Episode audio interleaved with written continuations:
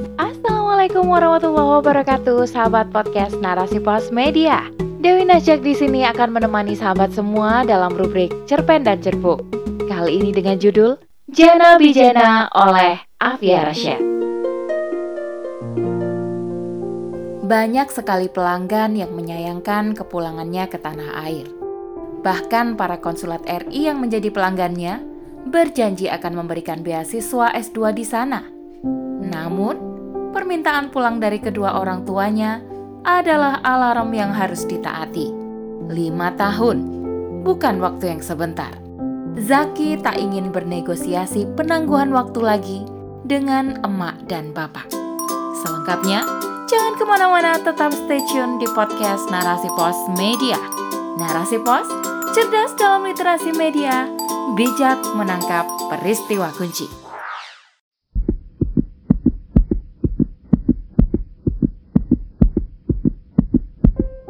Suara kaki kuda beradu dengan aspal berlubang. Jejeran kelapa gading memberi kesejukan bagi siapa saja yang lewat. Sejauh mata memandang, hamparan padi merunduk memanjakan netra yang penuh rasa syukur. Di sepanjang jalan beraspal tidak rata, seorang pemuda duduk menikmati keindahan alam yang telah lama ditinggalkannya. 60 purnama sudah, ia tidak menyapa jana-bijana yang elok.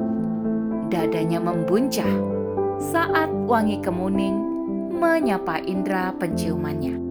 Daun kelapa melambai lambat-lambat mematuhi titah Allah Sang Pencipta kehidupan. Pemuda yang sedang naik bendi itu terus merapalkan zikir di belakang kusir. Zaki memejamkan mata mengenang masa kecilnya. Awakmu putrane Pak Saiful le? Tanya Pak Kusir. Injih Pak, leres, jawab Zaki sopan. Pak Kusir menoleh dengan tatapan bahagia. Pemuda di sampingnya ini selalu menjadi buah bibir warga karena kesuksesannya di luar negeri. Bukan sebagai TKI, tapi menuntut ilmu. Zaki menjawab semua pertanyaan Pak Kusir dengan sangat santun. Dia merasa Pak Kusir adalah teman ngobrol yang nyaman. Tak banyak yang berubah dari tata letak dan tata desa sejak ia meninggalkan kampungnya. Hanya ada satu dua bangunan yang mulai di dinding tembok dan beratap genteng. Sebagian besar masih berdinding anyaman bambu dan seng beratap rumbia. Rumah-rumah panggung juga masih ada. Netra bulat dan jernih Zaki menyapu setiap rumah yang dulu menjadi tempat singgahnya saat pulang sekolah dari dusun bawah. Surau panggung Ustadz Maulana juga masih berdiri kokoh. Tak ada yang berubah kecuali warna dinding yang mulai memudar. Bendi terus melaju naik. Kalau sudah lulus kuliah mulai yole, kata emak dengan netra yang berembun. Nggih mak, kula nyuwun doa lan restunipun panjenengan, jawab Zaki pada emaknya. Masih segar dalam ingatan, keberangkatannya ke bumi Kinana diiringi isak tangis emak, keluarga, dan tetangganya. Selama di Kairo, dia hanya berkirim surat lewat Pak Tinggi atau Pak Kades. Lautan rasa syukur terus disenandungkan dalam tiap nafasnya. Dia bisa menempuh sisa SMA dan kuliah di Al-Azhar karena beasiswa full. Emak pun ridho atas apa yang menjadi pilihannya. Maka, setelah gelar LC atau Licentiate tersemat di belakang namanya, dia langsung pulang ke tanah air menuju jana bijananya. Bendi yang ditumpangi Zaki berhenti tepat di rumah kuno berdinding serap jati. Ada rumah baru di sebelahnya. Rumah dengan arsitektur semi timur tengah yang dia ambil dari sketsa Maktabah Alexandria. Ya, Zaki ingin mewujudkan mimpi bapaknya yang ingin memiliki rumah seperti dalam kiai tempatnya mondok sanawiyah dulu. Kini, rumah sederhana itu sudah jadi. Semua biaya dia kirim dari Kairo. dia bekerja paruh waktu. Dia membuka kafe di pinggiran Sungai Nil dengan modal nol awalnya.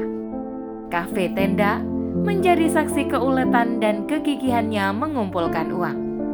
Masakan khas Jawa menjadi andalan menu yakni pecel. Tiap tetes keringat mengiringi ikhtiar yang diramunya. Bait-bait doa terus dilangitkan demi meraih ridhonya. Zaki bersungguh-sungguh dalam menuntut ilmu. Ia pun istiqomah bergabung dalam jemaah dakwah fikriyah di sana. Sisa waktu yang dimiliki, ia ke maktabah atau dengan melaksanakan itis salat maksudah sebagaimana baginda Nabi dulu melakukannya di Mekah. Sementara kafe tendanya hanyalah buka setelah kajian subuh sampai jam 8 pagi saja. Walau ia hanya sebentar membuka kafe, namun ratusan pelanggan setia mengantri, mulai mahasiswa sampai duta konsulat. Maka, dia terus bersyukur kepada Allah yang menjadikannya manusia yang ditutup segala aibnya dan dilimpahkan rizkinya. Hanya rezeki berkah yang diharapkannya. Banyak sekali pelanggan yang menyayangkan kepulangannya ke tanah air. Bahkan, para konsulat RI yang menjadi pelanggannya berjanji akan memberikan beasiswa S2 di sana. Namun, permintaan pulang dari kedua orang tuanya adalah alarm yang harus ditaati. Lima tahun, bukan waktu yang sebentar. Zaki tak ingin bernegosiasi penangguhan waktu lagi dengan emak dan bapak mereka sudah sepuh. Selain itu, kesempatan birul walidain secara langsung tak ingin disia-siakannya. Ya Allah pak, toleh datang. Masya Allah. Emak histeris melihat Zaki turun dari bendi. Pak Kusir sibuk menurunkan barang bawaan Zaki. Langkah lebar kaki Zaki menghampiri emak. Dengan takzim, tangan emak direngkuh dan diciumnya. Pelukan erat dan hangat emak menyapa perasaan Zaki. Pelukan bahagia dan penuh kerinduan. Rasa haru menyeruak dan bersemayam dalam dada. Bapak sudah tampak di belakang emak. Maka Zaki pun menyongsong tangan bapak, menciumnya dengan khidmat. Di sinilah jana bijananya Pengabdian Zaki telah lama ditunggu. Titah bapak memintanya pulang agar meneruskan estafet dan menguatkan dakwah bapak. Zaki sangat bersyukur. Bapak adalah tetua kampung yang dikenal sebagai pendakwah. Kini, bapak telah sejalan dengannya. Dakwah yang diemban adalah dakwah Islam dengan metode berpikir untuk meluruskan akidah umat dan melanjutkan kembali kehidupan Islam. Kini, dusun atas dan tengah tak perlu jauh-jauh ke bawah untuk salat Jumat dan pengajian. Sudah ada bangunan masjid di dekat rumah Zaki. Masjid Abdurrahman bin Auf berarsitektur Timur Tengah juga. Zaki dan beberapa teman kecilnya yang mengajukan proposal pada KBRI dan CSR sebuah perusahaan besar di kecamatannya. Warga pun berlomba-lomba sedekah, bahkan ada yang bersedekah tenaga dalam pembangunan itu. Tentu saja, kepulangan Zaki disambut sukacita oleh tetangga yang kebetulan lewat. Mereka memeluknya penuh kerinduan. Mentari telah beranjak ke atas kepala. Sang raja siang itu menyinari alam semesta. Kabar kepulangan Zaki begitu cepat tersiar ke seluruh pelosok kampung. Ziarah para tetangga dusun dan desa silih berganti. Keramaian tamu Zaki melebihi ramainya hari raya. Emak menerima mereka penuh sukacita dan sibuk menyiapkan hidangan ala kadarnya sebagai bentuk penghormatan pada tamu sanak saudara dan handai taulan antusias mendengar kisah Zaki selama di bumi Kinana. Mereka takjub dengan kisah Nabi Musa, kisah khilafah Abbasiyah, dan suasana pendidikan.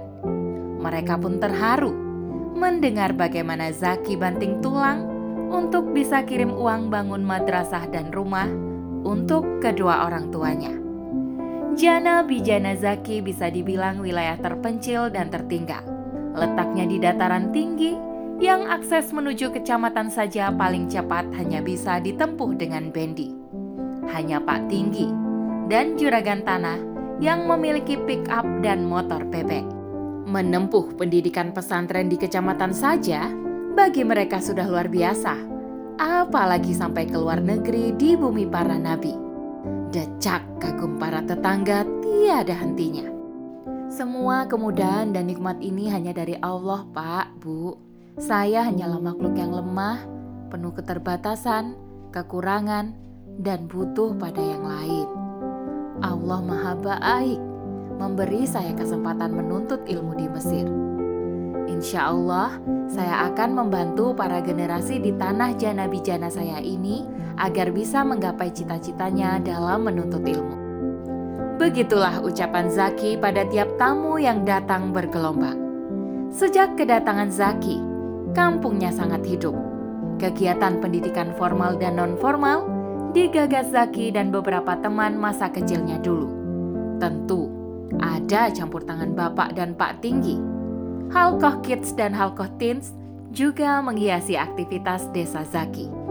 Bahkan, beberapa remaja dari desa tetangga dititipkan di madrasah yang Zaki bangun.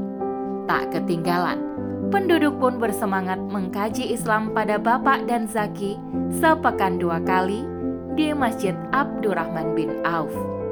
Cahaya Islam mulai bersinar terang di wilayah terpencil itu. Penerangan listrik sudah tidak dibatasi lagi setelah pengajuan proposal Zaki pada PLN Kabupaten direstui. Maka, kegiatan dakwah kini tak lagi terbatas waktu. Kajian Islam bersemi indah di tanah kelahiran Zaki. Tentu saja, ada sekelompok orang yang menghalangi namun kegigihan dan keistiqomahan Zaki, bapak dan teman-temannya tak pernah surut.